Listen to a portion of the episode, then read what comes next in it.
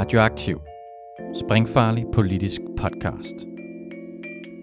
Følg os, like os, del os, læn dig tilbage og nyd en frisk blandet cocktail af skarpe vinkler, dybtegående analyser og farlige debatter. Velkommen til Den Faglige Klub, Radioaktivs podcast om arbejdsmarkedspolitik. Mit navn er Søren Nørgaard, og jeg sidder her sammen med Amalie og Rasmus og Kasper. Vil I uh, kort introducere jer selv? Ja, hej. Jeg hedder øh, som sagt Amalie, og øh, jeg har arbejdet de sidste fem år inden for den danske fagbevægelse, og har også i en periode arbejdet i Bruxelles ved europæisk fagbevægelsesarbejde. Ja, mit navn er Rasmus Henriksen. Jeg er uddannet elektriker for en hel del år tilbage. Og øh, udover at være elektriker, så er jeg også øh, faglig aktiv på den måde, at jeg skriver og debatterer en masse om øh, faglige emner. Øh, og så har jeg været ude som, blandt andet som rollemodel, hvor jeg prøver at inspirere unge mennesker til også at blive håndværkere. Ja, mit navn er Kasper. Jeg øh, læser samfundsfag og retorik, og så har jeg været politisk aktiv på Venstrefløjen øh, de sidste øh, 7-8 år. Øh, specifikt i SF Ungdom, hvor jeg har arbejdet rigtig meget med arbejdsmarkedspolitik og det faglige område, og både fulgt med i og også deltaget aktivt i en del faglige kampe.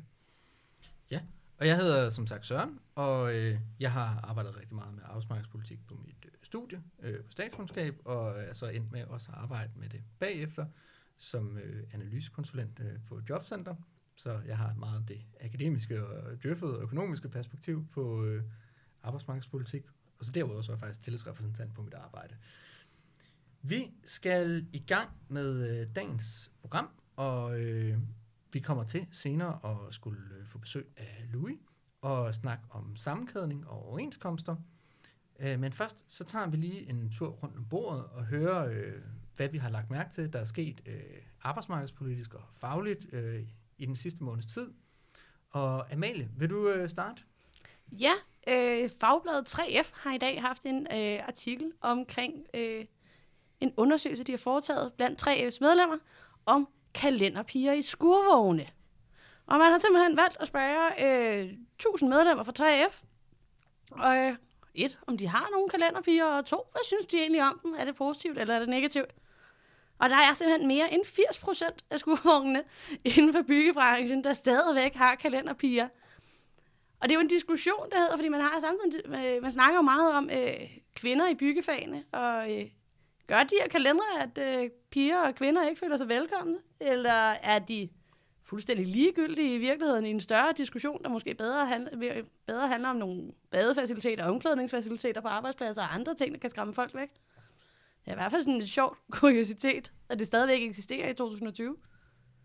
Jeg synes, det er virkelig, virkelig øh, solidt brug af, af penge, at man betaler et analyseinstitut for at lave den undersøgelse. Men øh, spørgsmålet er, øh, hvad det betyder. Øh, Rasmus, du er nok den, der, der er tættest på, på skurvognene.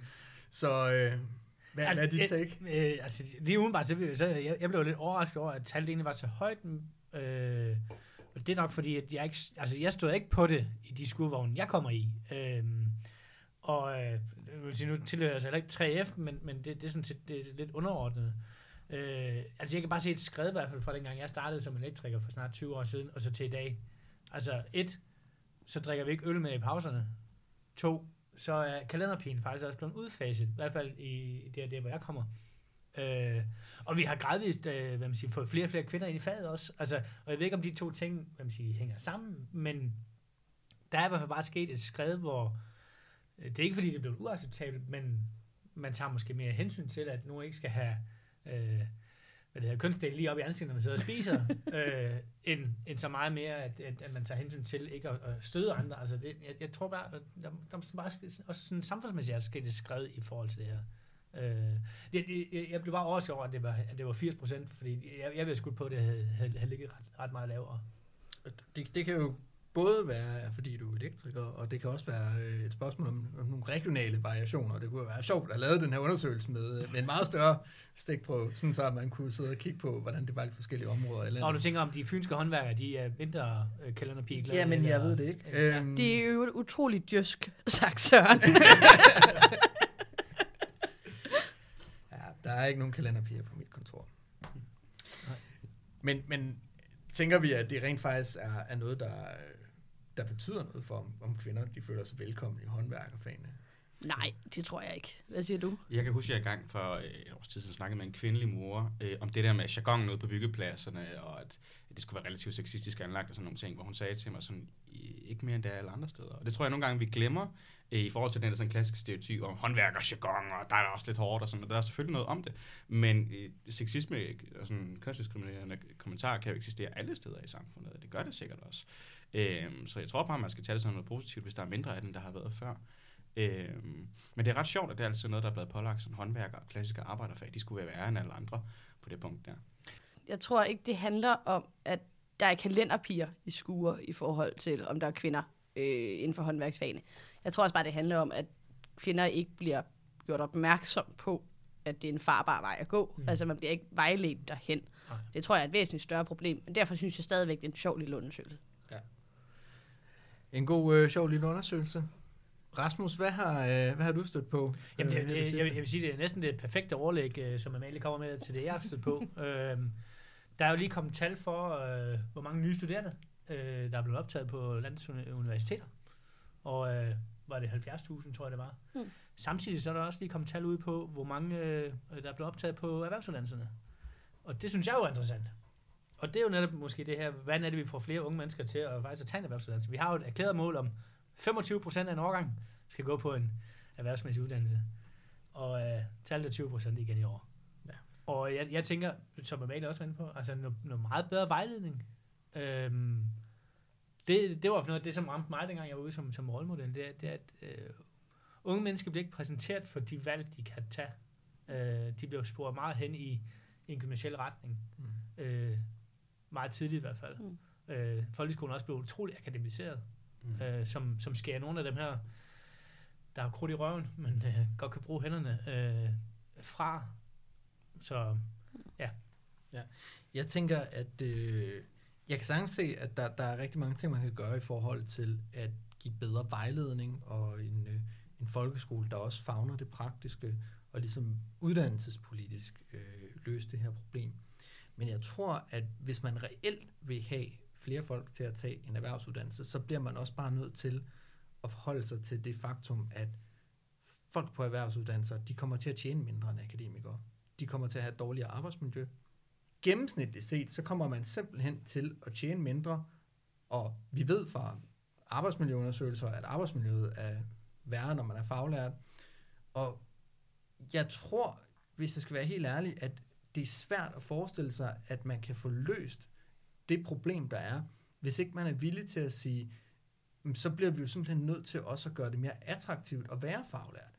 Fordi mm. hvis det er sådan så, at øh, altså, jeg, jeg synes i et eller andet omfang, at det, øh, at det, der provokerer mig en gang imellem, det er, når at arbejdsgiver stiller sig op og siger, at det er fandme også for dårligt, at folk ikke søger ind på en erhvervsuddannelse og sådan noget, fordi vi mangler arbejdskraft og så videre. Og så samtidig stiller sig op til overenskomstforhandlinger og siger, I kan ikke få mere i løn.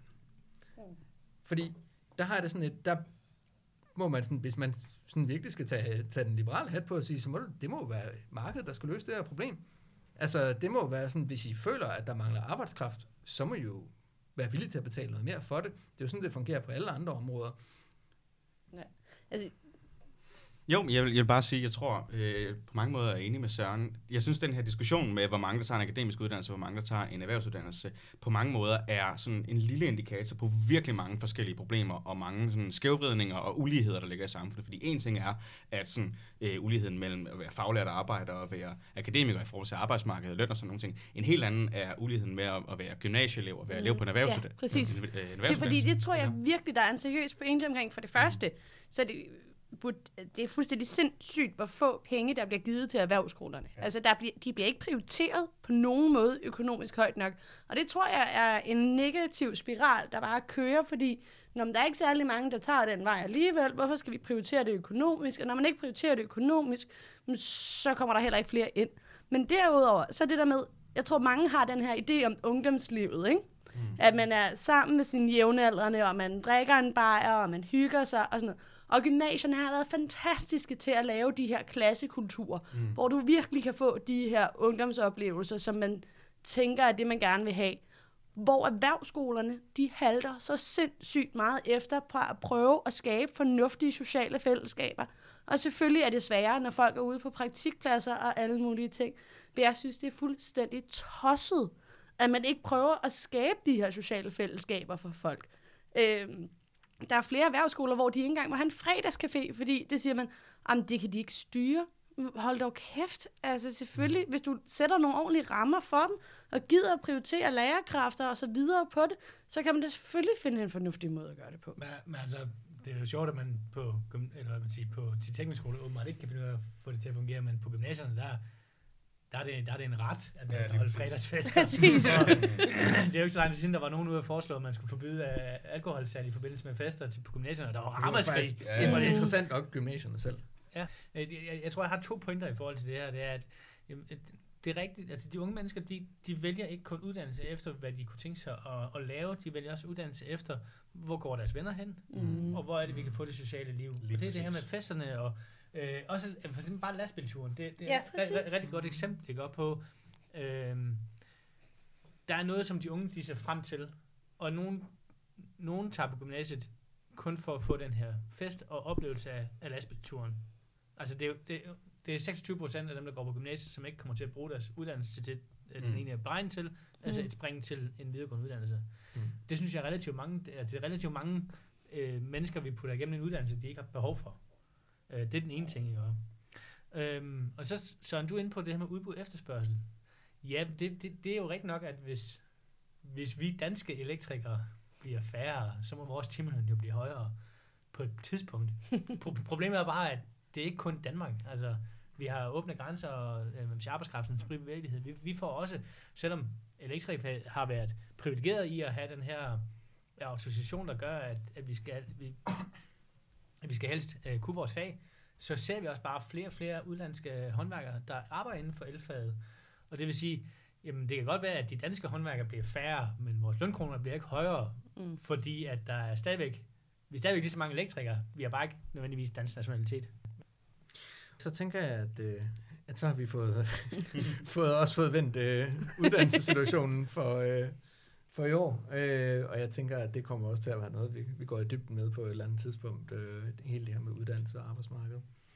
Kasper, hvad har du øh, taget med til os? Jo, men jeg vil gerne snakke lidt om øh, Jobpatruljen, som jo er det her øh, fagbevægelsesprojekt, der er hvert eneste år, har været det sidste mange år, hvor øh, man tager rundt og besøger en hel masse arbejdspladser og snakker med unge arbejdere, altså folk, der er ansat, men under 18, øh, og snakker om deres vilkår. Og det plejer man ud i, at man får øh, en hel masse gode snakke, og hvis man oplever noget, der ikke er så godt eller meget græld, så plejer man at anvende det til, til øh, en respektive fagforening, så man kan føre en sag. Men man ender også ud med en meget fint lag statistik over, hvor mange af de her arbejdspladser, der egentlig overholder de rettigheder, som de unge skal have, øh, og for den sags skyld også loven.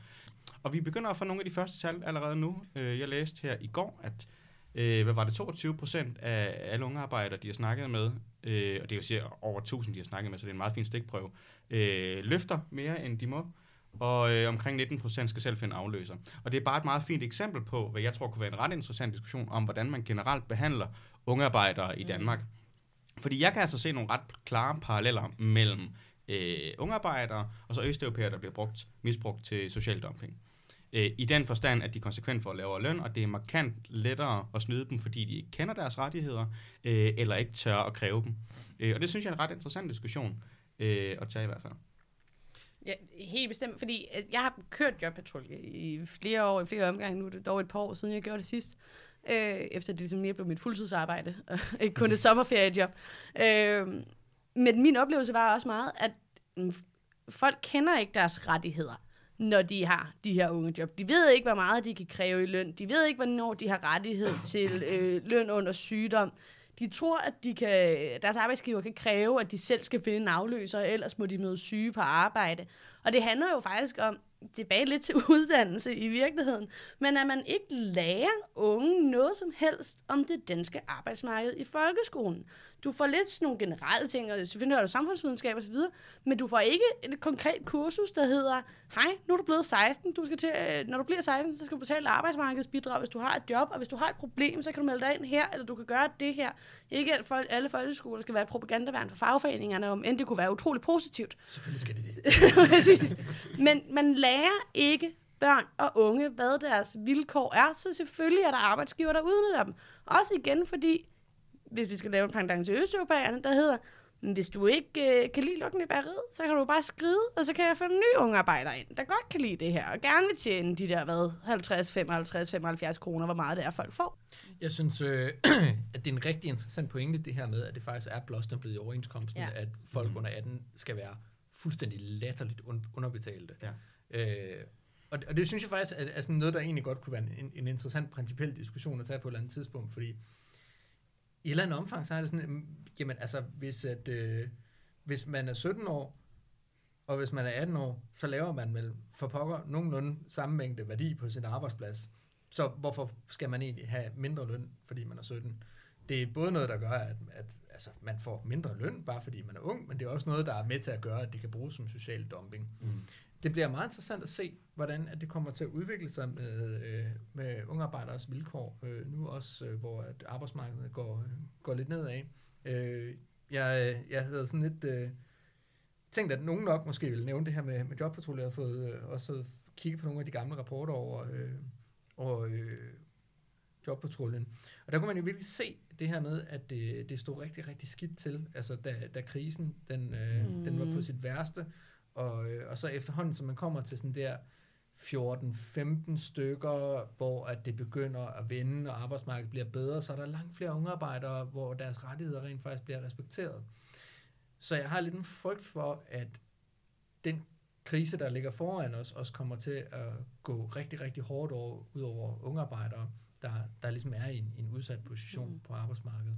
Men det er der med, at de er i en udsat position. Også fordi, jeg har øh, engang arbejdet hos Domino's Pizza. Og ikke bare i kort tid, men i tre år, år hele vejen igennem min gymnasietid. Øh, og der var det jo en fuldstændig velovervejet strategi på den, der var en arbejdsplads, der jeg havde. Jeg skal ikke snakke for Domino's Danmark på nuværende tidspunkt. Øh, at så snart du blev 18, så blev du fyret. Mm. Jeg var så utrolig god til at lave runde pizzaer. Øh, så jeg fik lov til at blive, for, blive ansat, efter jeg blev 18.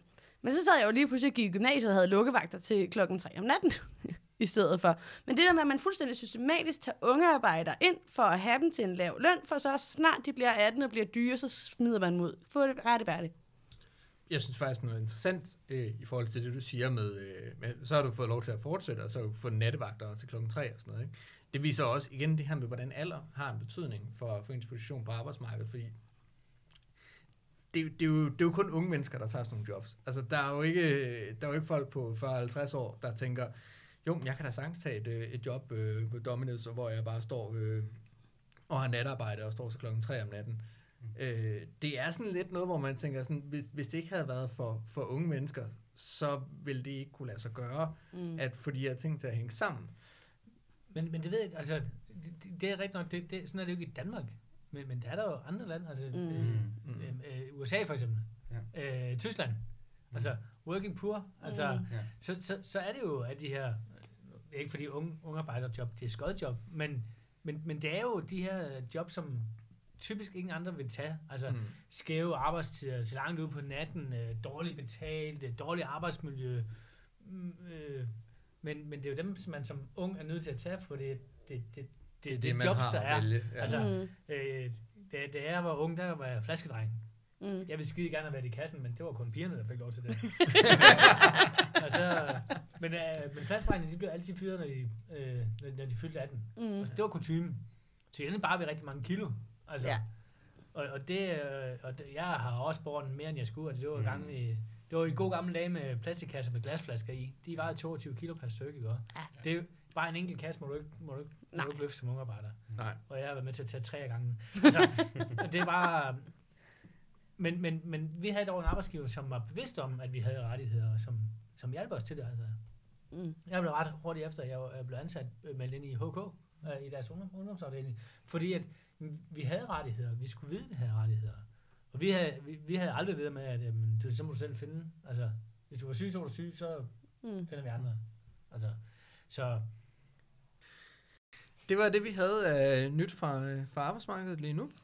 Så øh, går vi videre til at, øh, til at diskutere sammenkædning med Louis.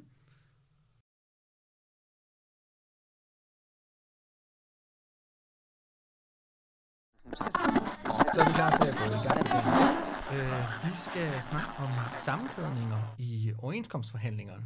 Og øh, det er jo et, øh, et kontroversielt emne, med, og derfor har vi fået en, øh, en debattør, der øh, mener rigtig mange ting om det emne i studiet, til at gøre os lidt klogere på øh, debatten øh, om sammenkædningsprincippet, og hvordan det øh, påvirker overenskomstforhandlingerne og det faglige arbejde og de vilkår, som øh, almindelige mennesker skal arbejde under.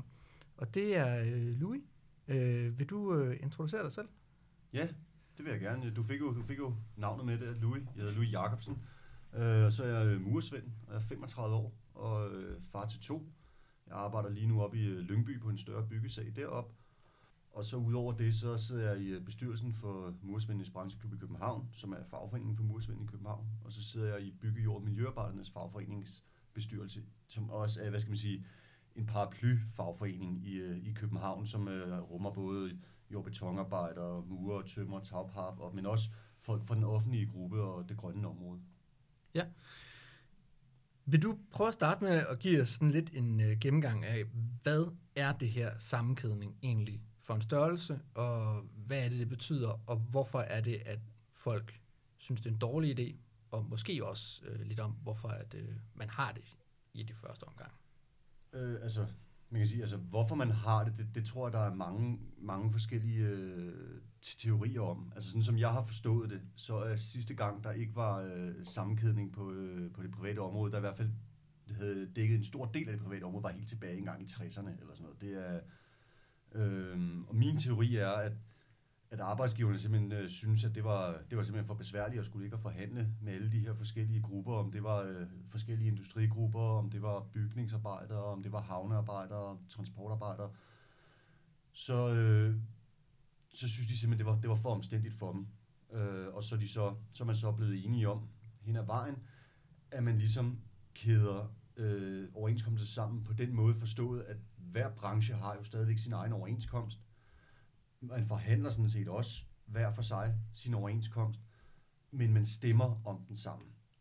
Øh, og det betyder jo så, det, det kan jo have den konsekvens, at, øh, at man som en, både, både som en mindre, men også som en større bran- branche, øh, kan, kan få, hvad skal man sige, lidt groft sagt trukket en overenskomst ned over hovedet, som man egentlig ikke havde lyst til, øh, der skulle gælde for ens arbejdsmarked. Øh, det kan også have den, altså, som andre vil sige, der kan også have den effekt, at øh, områder, hvor øh, helt små områder, hvor arbejdsgiverne øh, har en tendens til at køre folk over, at der er der jo så også et større fællesskab, der ligesom kan bakke det her område op, og så trække en overenskomst hjem til, til det område. Men øh, ja, det kommer vi jo ind på. Ja, fordi jeg tænker, om øh, du kunne starte med at, at få lidt ud. Hvorfor er det, at det er en rigtig dårlig idé, det her sammenkædning? Men altså, for det første, så, altså, jeg vil godt, øh, altså, jeg synes ikke nødvendigvis, det er en rigtig dårlig idé. Det kommer an på, hvordan man vælger at bruge det. Øhm, altså, fordi, altså, grunden til, at jeg har været meget øh, utilfreds de senere år, øh, især med den her sammenkædning, er fordi, at vi har, øh, altså, vi, altså, vi, vi, havde, vi havde for eksempel i 17, havde vi, øh, havde vi et overenskomstresultat, der kom ud, som vi simpelthen ikke ville have. En ting er, hvordan det blev til, det kommer vi også ind på, men, men vi, vi, fik i byggegruppen, især i 3F's byggegruppe, der, øh, der organiserer omkring 60.000 bygningsarbejdere i Danmark, der fik vi et overenskomstresultat, som vi simpelthen ikke ville have. Det, øh, der, var, der var flere ting i det, men, men det, der virkelig slog, slog på tynden, var et protokollat øh, omkring systematisk overarbejde, øh, som, øh, som kort sagt, i hvert fald i nogle af vores overenskomsters tilfælde, øh, Øh, forenklede reglerne for overarbejde, så, så arbejdsgiver havde nemmere ved at sætte os i overarbejde. Det havde vi på intet tidspunkt bedt om. Vi havde på intet tidspunkt ytret ønske om, at det var noget, den her retning, øh, den her overenskomst skulle give. Men derimod havde vi også haft, og det tror jeg er det, der ligesom fik bæret til at vælte dengang, haft mange overenskomster helt tilbage siden en 2004 eller 7, øh, hvor vi ikke synes, der havde været nogle store landvindinger på området omkring social dumping, altså navnligt udenlandsk arbejdskraft, tilrejsende arbejdskraft, som, øh, som bliver behandlet uhensigtsmæssigt, eller de bliver behandlet dårligt, for at sige det lige ud. Og det, det har vi ikke, det har vi haft den holdning, at det har ikke rigtig været noget, der har imødegået for alvor.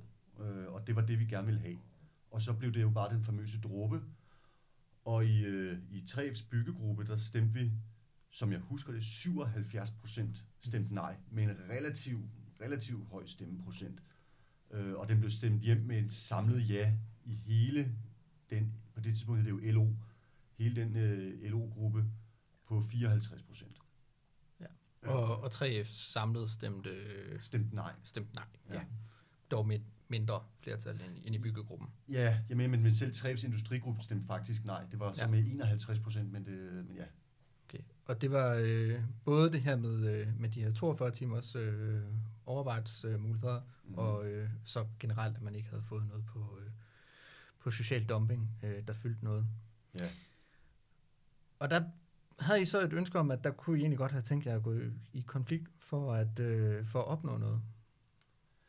Ja, man kan, man kan sige, det, det, det der, der, der opstod jo en, det der opstod en debat om, det var, at vi ville i hvert fald, på det tidspunkt ville vi gerne have været i konflikt for ikke at have fået det her. For det ville, Ja. vi, det ville vi rigtig gerne have skrevet ud. Og i kølvandet på det, så opstod der jo så også en, der opstod en hel debat om den her sammenkædning og, og, og hvilke konsekvenser det har. Og hvor vi så også begyndte at snakke om, jamen, hvordan kan man arbejde inden for de her sammenkædninger. Fordi der er jo, øh, der er jo øh, det, det store gennembrudsforlig, som øh, Industrigruppen, også kaldt CO Industri, øh, laver. Det, det, det, det gør de, det har de i hvert fald gjort alle gange indtil videre. Der er ikke noget, der tegner til, at det, det kommer til at blive anderledes. Hvor de ligesom sætter en økonomisk ramme for, altså, hvad en overenskomst skal koste. Og det, det som mange af dem, af dem vi diskuterede med dengang fra Industrigruppen, det de, det de sagde til, var, I kan jo bare forhandle noget andet ind inden for den økonomiske ramme. Det var vi ikke enige i, var helt, at det, sådan, at det, sådan, det spillede. Vi, vi havde en, et indtryk af, at selvom at vi holdt os inden for den økonomiske ramme, så ville vi stadigvæk blive påduttet nogle andre ting, fordi at overenskomster fra arbejdsgivers side i hvert fald ikke kun er økonomi, det er også ideologi. Øhm, så det vi gjorde nogle stykker, det var, vi, det der var nogen, nogen der begyndte på, det var at, øh, at sige, okay, men hvordan kan vi så stille krav inden for den her økonomiske ramme, og ligesom gøre de her krav tydelige, og så sige, det er det her, vi vil have, og vi, vil, vi behøver ikke at få mere end jer, end jer andre, eller andet. Vi vil bare, det er de her ting, vi vil have. Have noget andet.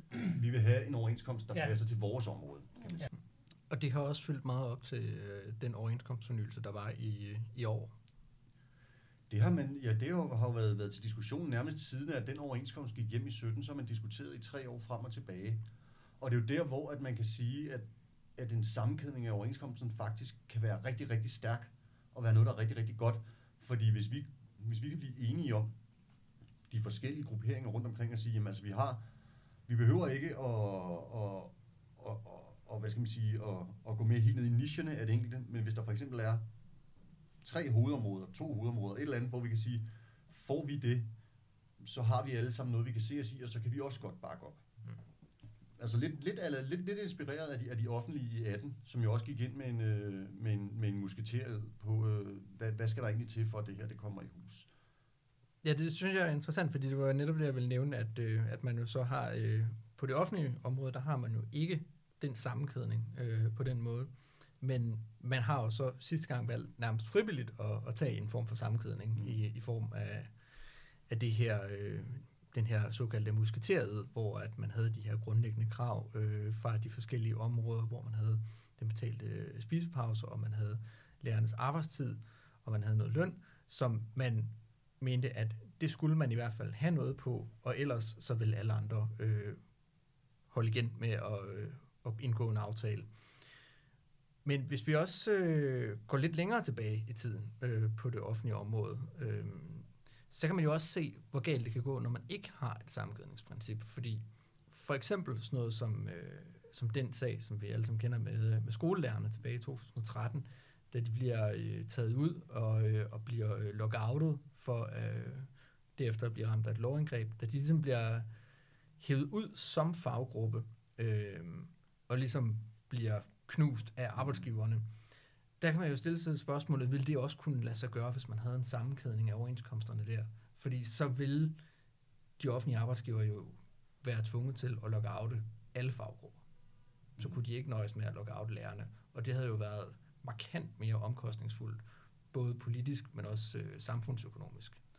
Men man bliver også nødt til at have med i den her diskussion, at det med sammenkædning, det er jo ikke kun, det er jo ikke noget forbundet selv bestemmer. Altså det her er også noget, der ligger i forlismandsloven, og det er forlismanden, der har muligheden for at sige, nu sammenkæder vi hele shitet. Altså, og historisk set, hvis der er nogen, der har sagt, at vi ønsker ikke en sammenkædning, så er det også blevet respekteret. Men der findes altså et eksempel på en sag fra 1987 med nogle arbejdere i Hanstholm, havnearbejdere i Hanstholm, hvor de gerne ville være fritaget, og det fik de ikke lov til at blive alligevel. Så man kan jo godt internt prøve at sige, at vi ønsker ikke en sammenkædning, men du kan altså også godt blive trumfet af en forlismand, der kommer ind og siger, at det bliver I. Mm. Altså, det, det er også noget af det, som nu, nu, nu, i rigtig øh, ikke radiovenligt, jeg laver gåseøjne, redder nogle af de små forbund, øh, eksempelvis øh, Blæk og Rør og, og Jernarbejderforbund nu her sidste gang, at, at der er det jo netop, at det, er sammenbrud, fordi at de vil ikke være med til at den, øh, det, som arbejdsgiverne ligesom kommer med. Mm. Så går det i forlisinstitution, og så bliver de sammenkædet, og så får de man siger, et bedre resultat, end det de kunne have fået, hvis de forhandlede alene. Og det er jo det dilemma, man står overfor. Det er jo, at øh, sol- solidariteten er stærk, men det er den jo begge veje. Altså, øh, men jeg synes, det, det er jo meget interessant, hvis man kunne lave en offentlig model i det private. altså, Jamen, Altså- altså, det er jo, man kan jo sige, man kan jo sige begge, begge eksempler, altså både det med lærerne, men også måske, øh, altså, altså det, det, der skete i 17, er jo faktisk øh, for mig at se et kerneeksempel på, hvad der kan ske, hvor galt det kan gå, når man faktisk ikke er solidariske med hinanden. Mm. Fordi du kan sagtens have en sammenkædning og ikke være solidariske med hinanden. Mm. Du kan også godt ikke have nogen sammenkædning og ikke være solidariske med hinanden, og så bliver du også øh, kørt over, ikke? Ja. Øh, altså, der, altså, altså lærerne fik jo øh, helt klart den, den helt hårde tur der i 13. Det, det, det, det bliver sent glemt. Øh, men men det, er, det er det der med, altså, altså det er det, jeg siger, sammenkædningen kan godt være rigtig, rigtig, rigtig god og meget stærk, men hvis det, hvis, hvis det bliver benyttet på en måde, så nogen sidder og klapper noget af, og så siger, og så kan I jo ikke forhandle selv, og det er der jo ikke noget at forhandle om, fordi den, altså, rammen er sat, vilkårene er sat, altså der er kommet, øh, den, her, den her gang er der, er der kommet en overenskomst, der er for en som mig, der er relativt højt lønnet på det faglige område, men der er det en ganske fin en. Jeg har fået nogle betydelige øh, stigninger på nogle, øh, nogle tillægssatser. Øh, det hedder SH, det der hedder frit valg i industrien og andre steder. Øhm, men men det, den er sat i procent. Dem, der er, dem, der er, øh, dem, der er dårligere, dårligere ringere lønnet end mig, de får den samme procentsats, men færre penge ud af det.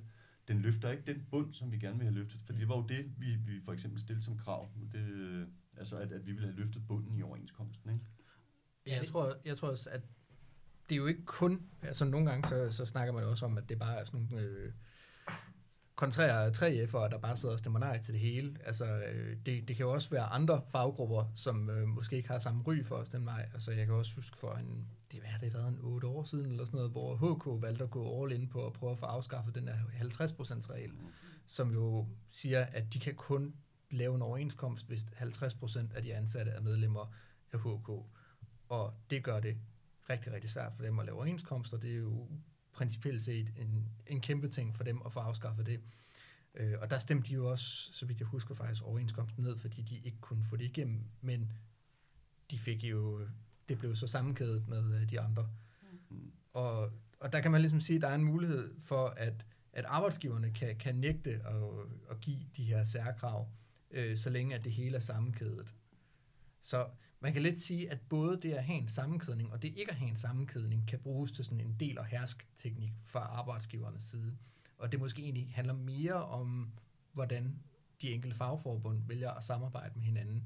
Fordi man kunne sagtens have forestillet sig, at der var andre fagforbund, som havde valgt at sige, okay, jamen vi, vi vil faktisk gerne være solidariske med vores kammerater i HK øh, dengang og sige, det er faktisk principielt set vigtigt, at man har lov til at danne, øh, tegne en overenskomst, når man er en fagforening. Mm. Øh, så derfor vælger vi selvfølgelig, at det, det tager vi gerne en stor konflikt på. Og på samme måde kunne man også have gjort det med, med 3F'erne Mm. i år på, øh, på social dumping og på mindstelønnen. Men man har jo også nogen som Fødevareforbundet, som jo har været meget vokale om, at de er dybt imod de her sammenkædningsregler på forbundsniveau. Fordi at de mener, at de har den slagkraft i sig selv, som de har brug for, for at kunne lave nogle bedre overenskomster. Og jeg er meget træt af sammenkædning på et generelt plan. Mm. Øh, og også generelt, jeg kan ikke huske lige her ved OK20, men altså i UK, i UK17, der var de jo også ude at sige til deres medlemmer, at I skal stemme nej. Og det gjorde de også i en overvældende grad. Altså hun hed 96 procent eller sådan noget. Ja, var- præcis. det var altså, det var meget voldsomt nej. Så det er altså ikke kun 3F'erne. Men det er jo også, det er jo også en, det er jo, det er jo også en øhm, jeg ved ikke, hvad, hvad, hvad man skal kalde sig.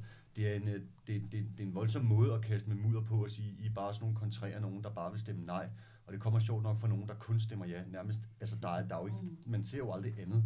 Ikke? Mm. Altså jeg, jeg kan personligt sige, at jeg har anbefalet flere øh, ja til overenskomsten, end de har anbefalet nej til mange af dem, der kommer med de her øh, po- postulater. Der var en øh, dansk håndværkeroverenskomst for et nogle år tilbage, der var med til at anbefale et ja til. Altså, så det er ikke, det er, øh, det ødelægger, det ødelægger debatten omkring det her, når, man begynder at, at, at, udstille, øh, altså, at udstille hinanden på den måde. Og, og det fremmer i hvert fald ikke øh, de muligheder, vi har for at, at, at, at, at kunne bruge den her sammenkædning som et altså, altså sindssygt stærkt våben på arbejdsmarkedet. Jeg synes, øh, i forhold til det her med nemlig at bare stemme, øh, stemme nej, fordi at man er lidt kontrær, så øh, da lige så forberedt mig, så fandt jeg sådan en artikel fra en eller anden af de der arbejdsmarkedsforskere, som øh, snakkede om, at, øh, at det kunne være sjovt at se, hvad der skete øh, uden sammenkædning, øh, og se, hvor mange øh, af de her nej-stemmer fra øh, 3F og i gamle dage SID, der, der måske i virkeligheden mest af alt bare var protest øh, nej-stemmer, Mm. fordi at man stemmer nej, men man ved jo godt, at man kommer aldrig ud over en, i, en, øh, i en stor konflikt, fordi at der er jo sammenkædning. Og det synes jeg på en eller anden måde også, øh, altså det er måske sådan lidt at, at, sådan, at latterliggøre folks nej-stemmer og sige, at det er bare sådan noget, de gør i protest. Mm. Men jeg kan også samtidig godt se, at der er faktisk et, et, et problem med den der med, at hvis, hvis folk stemmer til overenskomsten, og bare har en eller anden idé om, at det er jo afgjort på forhånd det hele. Mm. Altså det er, jo, det er jo grundlæggende et kæmpe demokratisk problem. Hvis der er folk, der stemmer nej til en overenskomst, uden de egentlig gider at gå i stor konflikt, fordi de er sådan, jamen, vi ender jo aldrig nogensinde i stor konflikt, fordi at de der metaller og sådan noget, de stemmer jo ja alle sammen. Ja. Altså jeg vil sige det. Det der er ved det, det er, at, at altså det, det, det, er jo en, det er jo en interessant diskussion, øh, fordi jeg ved, jeg ved ikke, om det er rigtigt, men man kan, det der er ved det for mig, det er, altså jeg kan se, at arbejdsmarkedet har ændret sig så radikalt øh, øh de seneste 20 år, øh, især med, den, øh, med muligheden for import af arbejdskraft, øh, hvor det, altså, omgåelse af overenskomsterne er jo nærmest, øh, altså, altså det, det sker i uhørt grad. Det, vi er under et helt andet, andet pres, end vi har været i rigtig, rigtig mange år, hvor man kan sige, hvor før, hvor der måske mere har været tale om et, øhm, en, eller anden, en eller anden grad af et, øh, et arbejdsmarkedsmonopol, altså hvor, hvor, hvor fagbevægelsen og, og arbejdsgiverne ligesom havde, havde, havde monopolet på det her, og så kunne de sidde og stemme, og så kunne man levere sådan en protest nej stemme, fordi at man var sgu i, i, imod det der konforme et eller andet. Altså sådan er det bare ikke i dag. Altså der er rigtig mange, der altså, altså, ser de her forhandlinger som, altså det er mit, min oplevelse, rigtig mange ser dem som virkelig, virkelig dødeligt alvor. Altså det er, det, er, det er ikke bare et spørgsmål om kun, om der også skal være et arbejde til deres børn, når de, bliver færdige, når, når, når de er færdige med at arbejde. Det er også bare, om der er til dem selv.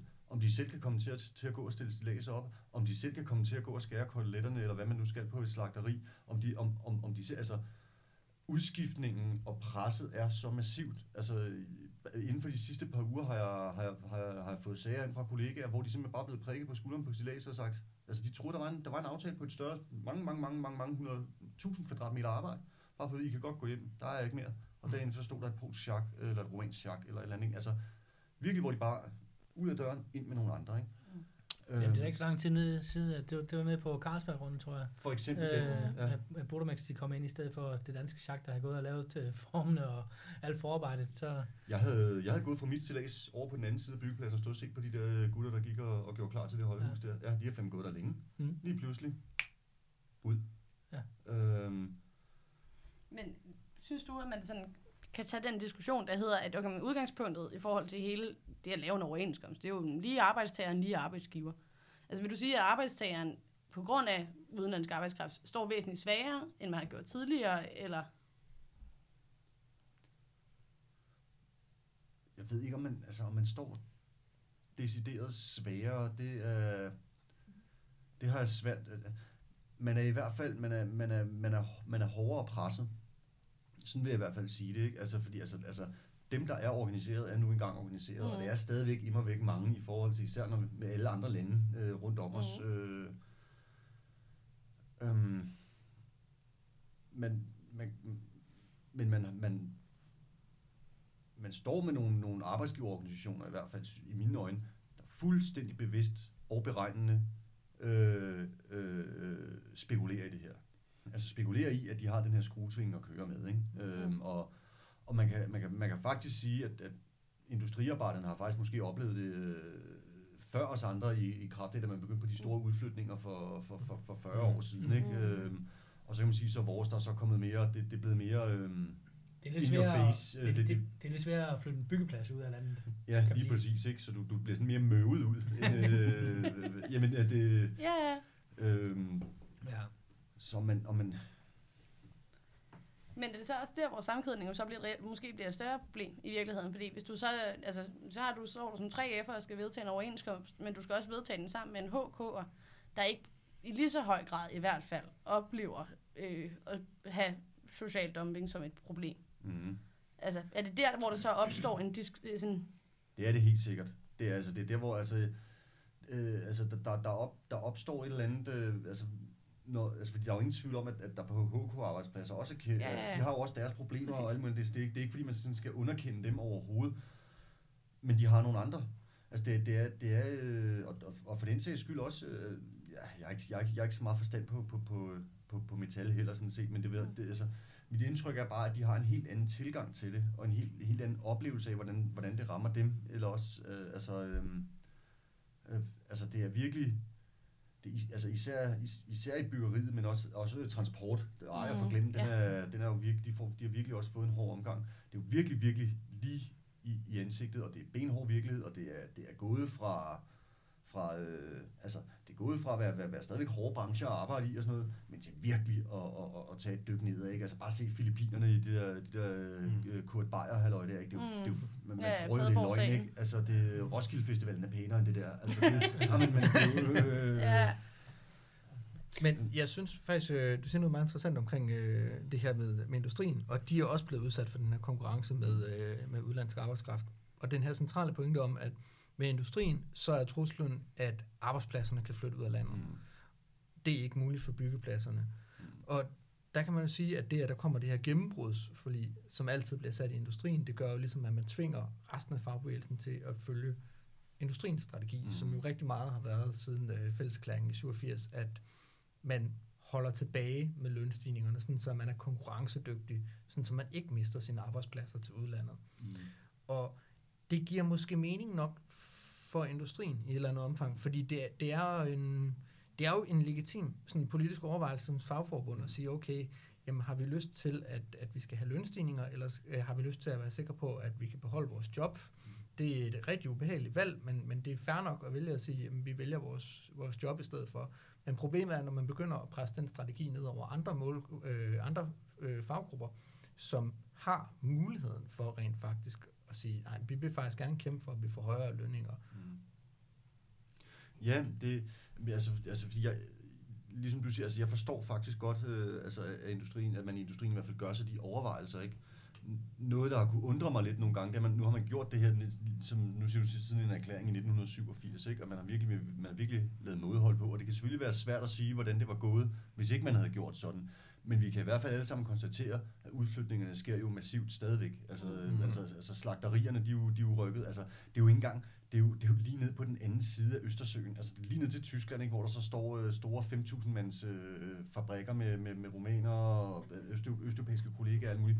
Altså, jeg ved ikke, jeg har bare nogle gange et indtryk af, at, at, at det vi prøver, det vi har prøvet på at opnå ved ligesom at, at være øh, mere tilbageholdende, ved at være mere, øh, mere pragmatiske og, og, og, og mere imødekommende, det vi har forsøgt at opnå, der har man været ligeglad over for os. Man har gjort det alligevel. Mm. Når, der ikke, altså, når det ikke skippede i kassen, jamen, så var det bare øh, altså, ud med fabrikken. Ud. Altså, de luk, hvad var det en Danfoss-fabrik? De lukkede øh, ganske kort før for, forhandlingerne sådan ligesom officielt gik, gik helt mm. i Mm. gang øh, på, på, på industriområdet. Ikke? En, en fabrik, der gav overskud. Øh, altså som... Øh, jeg Overskud kunne være større i udlandet. Det, vil det, det, det, det, det, det, er jo, det er jo nok, det, det er jo den beregning, man har lavet. Ja. Det er det jo nok, ikke? Det er, det er jo den beregning, man havde, men det er mere det, er mere det der med, jeg synes bare, at for mig tegner sig et billede af, at selvom, selvom at vi gør sådan her, så udfylder de jo arbejdspladserne alligevel. selvom vi laver til, altså den løntilbageholdenhed, som industrien udviser, den udviser vi jo i princippet også i byggeriet og installatørfagene og alle mulige andre, fordi vi ligesom følger deres ramme. Men Der er der ikke, det er jo ikke, det er jo ikke, det er jo ikke fordi, at, at, at, at, øh, at, at sagerne med social dumping så er faldet i vores forbund, eller at der øh, er, er, ligesom er en tendens til, at, at vores udenlandske kollegaer bliver behandlet pænere, fordi vi har, altså, jeg har bare en, en, en fornemmelse af nogle, nogle arbejdsgiver, der virkelig griner af os på det her Mm. område. Ikke? Øh, Men jeg kan godt forstå, jeg kan godt forstå den, den politiske tilgang, man har til det, at man, siger, man prøver at lave den her overvejelse, fordi at som fagforbund er man der jo for at varetage arbejdernes interesser, og det er immer væk ikke i vores interesse, at vi mister vores arbejde, uanset hvordan, hvordan vi vender og drejer det. Vi, vi, vi skal jo have noget at leve af. Og det er jo også lidt en af de udfordringer, der er i sådan EU og det indre marked, at generelt der er mere og mere sådan globaliseret kapitalistisk handel. Øh, har du et bud på, hvad man som fagbevægelse, som stærk, sådan traditionelt stærkt funderet øh, fagbevægelse i Danmark, kan gøre i sådan en situation? For det virker lidt nogle gange som om, at det bare er et system, som vi bare må leve efter, og hvad i alverden gør man så som fagbevægelse? Måske særlig i forlængelse af, af sammenkendningsprincipper. Jeg tænker, det er ikke ligefrem noget, der, der øh, forbedrer medlemmernes tillid til, til fagbevægelsen som koncept, at man samtidig med, at man er usikker på sit arbejde, så også føler sig trumfet af andre forbund. Eller sådan, det, det virker som en utrolig svær knude at løsne. Ja. Men altså, altså, altså for det første, så skal man insistere meget hårdt på ikke at være en administrerende fagbevægelse, men en organiserende fagbevægelse. Altså, fordi at, at de kan, altså de, de, de, kan, de kan fylde busser, skibe, fly, alt muligt, med alle mulige øh, kollegaer, som, som, som, som, de, øh, som, som kommer ind på de her arbejdspladser, vi har hjemme. Hvis vi får organiseret dem, øh, så vi er sammen, så står vi lige så stærkt som, øh, som altid. Altså, der, der er jo ikke, altså, der er en, en, en, organiseret, en organiseret kollega, hvor der står Italien i passet, er jo, er jo ikke øh, hverken værre eller bedre end en organiseret kollega, hvor der står Danmark i passet. Mm. Jeg tror, det er, altså, det er, øh, der var en, der sagde til mig, at de har, de har nogle, nogle steder, der har øh, i andre fag, fagbevægelser rundt omkring, hvor de siger, organize without fear. Altså, vi skal, ikke, vi skal ikke frygte at organisere, men vi er også nødt til at insistere på at organisere. Mm. Mm. Vi, vi kan ikke kun administrere. Ja, Det det var lige præcis det, man for eksempel gjorde ned på, på Carlsberggrunden. Det, er jo- det var, at det, har- det sjak, der lige var blevet fyret, de var de forreste, der stod og tog, øh, tog imod deres nye øh, kollegaer og sagde, det er sgu ikke jer, vi er utilfredse med, men I, øh, her kan I øh, organisere jer, og det er her i Danmark, her i Danmark, der får vi den og den løn. Det kan I få, hvis I organiserer. Altså, hvor man ligesom hjælper til at organisere dem, som så- så kommer, kommer op og, og Ja. hvad man siger, tager det arbejde. Ja, men også et stærkt signal at sende at stå som dem, der er blevet fyret, ikke? og så Ja. dem, der har fået arbejde, skal, skal gå ind og kigge dem i øjnene. Ikke? Det er Ja. lidt ligesom den der chef, der bliver tvunget til at dele alle fyresedlerne ud. Ja. Den er, det, det, det, er godt, det er godt lavet. Jeg tænkte, nu hvor vi er begyndt at lidt gå hen i en, øh, en mere øh, konstruktiv ende øh, af diskussionen, øhm, i forhold til det her med, med sammenkædning, øh, altså jeg tror godt, at vi kan blive enige om, at, at det er et svært spørgsmål, altså, og der er ikke en, en god løsning, der bare hedder, at, at vi bare afskaffer det, og så bliver, øh, bliver alting godt. Øhm, men hvordan tænker du konkret, at man kunne arbejde med det øh, fremadrettet på, på en måde, hvor at det fungerede bedre, øh, eller måske man skulle ændre nogle af de sammenkædningsregler, der var. Altså jeg tænker, øh, man kunne give en mulighed for, at øh, hvis over det ved jeg ikke, hvis over 40 procent eller sådan noget stemte nej, så kunne de enkelte forbund vælge at gå i konflikt, øh, hvis det var. Altså, man kan jo godt lave en, en, øh, en, hvad kan vi sige, en mindre drastisk udgave af sammenkædningsprincippet. Mm. Øh, og man kan også vælge at bruge det på en anden måde. Så spørgsmålet er, hvad tænker du, hvordan kan vi rent faktisk øh, få, øh, få mere solidariske øh, overenskomstforhandlinger? Men altså, altså det, det, der jo ligesom var lagt op til, inden, øh, inden den her øh, coronavirus fuldstændig øh, spolerede alting, det var jo, at, at, at, at, at man øh, i, i, i byggegruppen ligesom havde sat sig ned og formuleret øh, to eller tre hovedkrav. Jeg kan, øh, det, det, det ene af dem var en overenskomst, vi, vi skal kunne se os i. Den er jo sådan rimelig, den er der meget elastik i, ikke? Men der var den her med at, øh, altså at, at hæve mindstelønnen med, jeg mener det var med 50'er i timen. Øh, altså det der med at formulere nogle meget klare krav, som man også præsenterer for de andre fagforbund lang tid før vi overhovedet for alvor går i gang.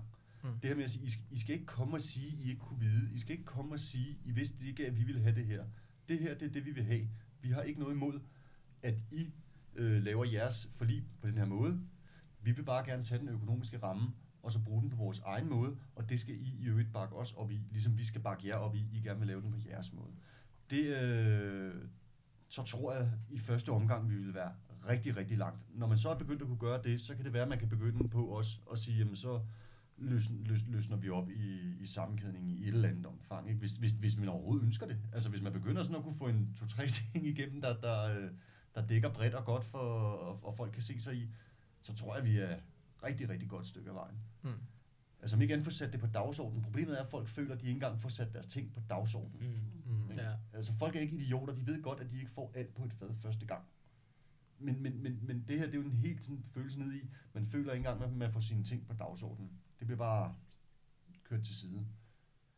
Man kan jo sige, et af de, de argumenter, man jo tit hører for sammenkædningsreglerne, det er jo det her med, at det udviser solidaritet, og det løfter de forbund, der har det øh, sværest ved at slå igennem i forhold til øh, arbejdsgiverforeningerne. Mm. Men der kan man sige, med det du siger, så vil du jo faktisk, hvis du bare giver bare, igen, gåseøjne her i podcasten, øh, giver, for, giver de individuelle forbund friere muligheder til at stipulere deres egne krav, og så samtidig så have en musketeret, der hedder, at vi støtter op om hinandens krav. Er det, sådan, Mm. er det på den måde, du mener? Ja, altså, altså at, man, at man ligesom, hvis man, hvis man kan tage nogle hovedkrav sammen, man kan, man kan lave, mm. og så Mm. også ligesom få dem igennem, ikke?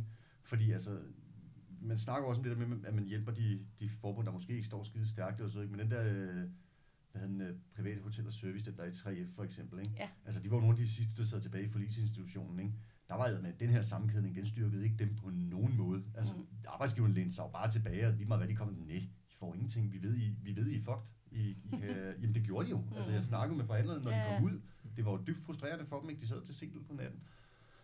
Øhm, så, så, så det der med, altså hvis, ja, altså, og hvis, altså, hvis, hvis, man, hvis man ligesom insisterer på en større frihed til, til, til at, at, at, at kunne arbejde inden for den ramme, der nu engang er, så er man i hvert fald rigtig, rigtig langt. Ikke? Altså, at, at man, at, hvor stor rammen skal være og sådan noget, det kan man jo diskutere. Øh, der, det, det, der kan jo, det kan jo, blive, det kan jo bare fyres, fyre den af, ikke? Men, men, men altså, Jeg tænker, at, det, at en af de interessante ting ved det her, det er jo også, øh, at, at man har den der meget sådan, øh, sekventielle tilgang til, til overenskomster på, på det offentlige, og, øh, ikke på det offentlige, på det private område, hvor man ligesom siger, at vi har, først så har vi gennembrudsforliget på, øh, i industriområdet, og så har man et gennembrudsforlig på, hvad er det nu?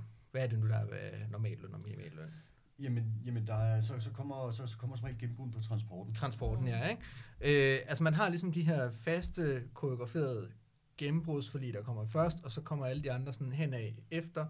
Og det er måske mere der egentlig, at problemet ligger, fordi du kan jo ikke opretholde en eller anden form for solidaritet med andres krav, hvis du samtidig har sagt, jeg er faktisk helt okay med den her overenskomst. Mm. Altså man kan jo ikke sige, jeg skriver gerne under på en overenskomst, øhm, det, og så, så bagefter så må vi se, om de andre de får deres krav igennem. Fordi lige så snart man ligesom har sagt, at jeg vil gerne anbefale mine medlemmer at stemme ja, så er man jo ligesom forpligtet på den aftale, og så, er- så er den ligesom hjemme for arbejdsgiverne, og så er den trussel om konflikt ligesom fjernet. Mm. Og når man starter med det, så er det rigtig, rigtig svært at opretholde pres. Og det er jo egentlig også en af de ting, der ligesom fungerede for, for de offentlige fagforeninger der i, i 18, at man holdt igen med at, øh, med at underskrive deleaftaler Mm. indtil, indtil aller, aller, aller sidst. Øhm, og at man heller ikke havde den her øh, normalt, så hvis der er en eller anden ting, der minder om, om et gennembrudsforlig på det offentlige område, så er det jo det statslige område, men det var faktisk ikke dem, der kom først den her gang, det var regionerne. Øh, det var, så vidt jeg husker, faktisk staten, der kom til allersidst. Så der er måske noget, man kan, øh, altså man kan lære af, af at ligesom holde den kørende, i stedet for at øh, have den der idé om, at der er nogen, der skal være færdige først, og så er der nogen, der kommer bagefter, og så er nogen, der kommer bagefter, fordi jo længere hen i køen man kommer, jo, jo dårligere forhandlingsposition står man egentlig i. Ja, altså man kan jo, man, altså der er jo, ikke, der er jo ikke noget til hinder for, kan man sige, at man som, øh, som forhandler på et område siger, "Men prøv at vi er helt enige, men blikket, det må du vente med, ikke? for der er altså lige nogle andre, vi skal have med. Ikke? Mm. Øh, I et eller andet omfang, ikke? så øh, altså, det, det, det kan man jo godt, hvis man vil. Øh, fordi man kan, man kan også sige, altså, det der også er ved det, er jo, at, at en ting er industriforhandlinger, ikke? men der er også øh, transporten og industrien, og bryder en af de forhandlinger sammen, så kan det godt være, at man har det her gennembrudsforlig, men, men så er der alligevel, så, Mm. så er det altså ikke, øh, det er ikke, hvad, hvad skal man sige, hvis man skal sidde inde i elfenbenstårnet og se derfra, så er det ikke skide godt, hvis en af de forhandlinger bryder sammen, vel? Det, det, Nej. øh, Øhm, så, det, så det er jo det der, hvor man også, men, men det, du, du bliver jo, som du siger, du bliver jo mere og mere presset, jo længere tilbage i køen du kommer. Ikke? Øh, og, og når, når, når, du har afsluttet industri, øh, transport og byggeri, ja, så er der kun resten tilbage. Ikke? Men, Ja. men, men, men resten er så faktisk ret mange, hvis man ser det på Mm. antallet af medlemmer, det dækker. ikke. De er jo Mm. bare delt op i, i, i mindre nicher. Jeg synes også, en, en interessant ting, som, øh, som jeg også øh, læste af en eller anden øh, arbejdsmarkedsforsker, der havde sagt om, om sammenkædningsprincippet særligt, det var, at det, og forlismandens rolle også generelt, det var, at det skal aldrig kunne betale sig ikke at blive enige. Det skal aldrig kunne betale sig at sidde tilbage og ikke at indgå en aftale. Og det tror jeg måske er, en del af det her, at man, øh, som man har taget for langt.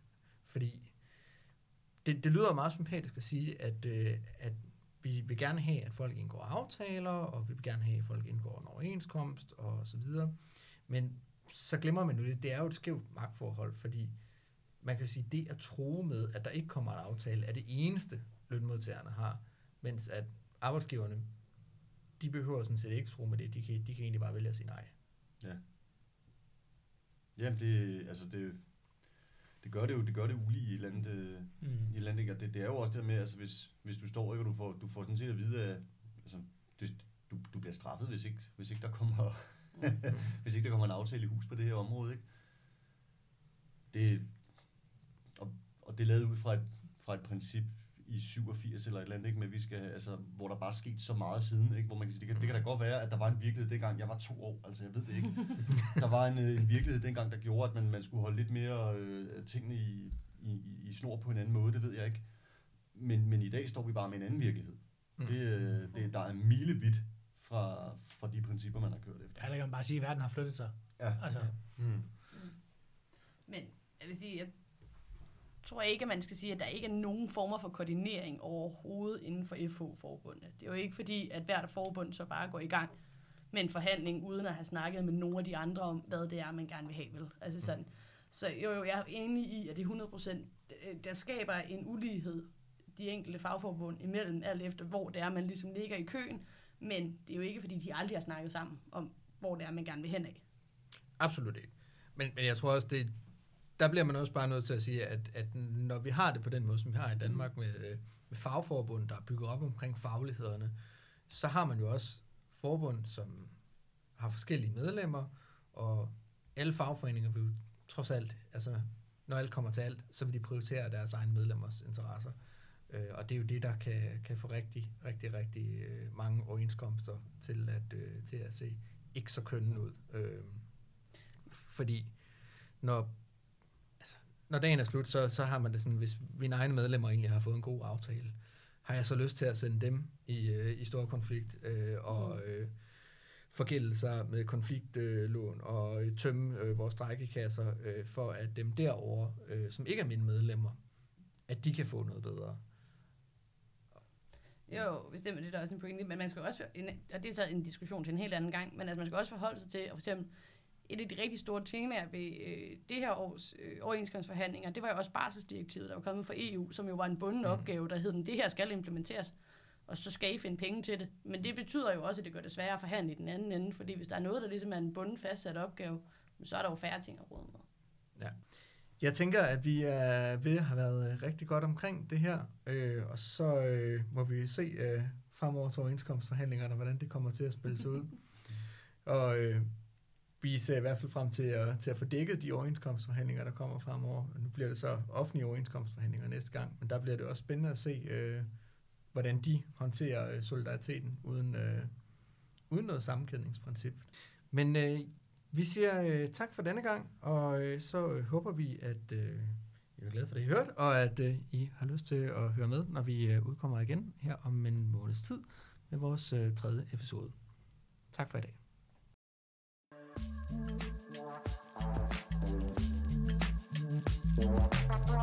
Oh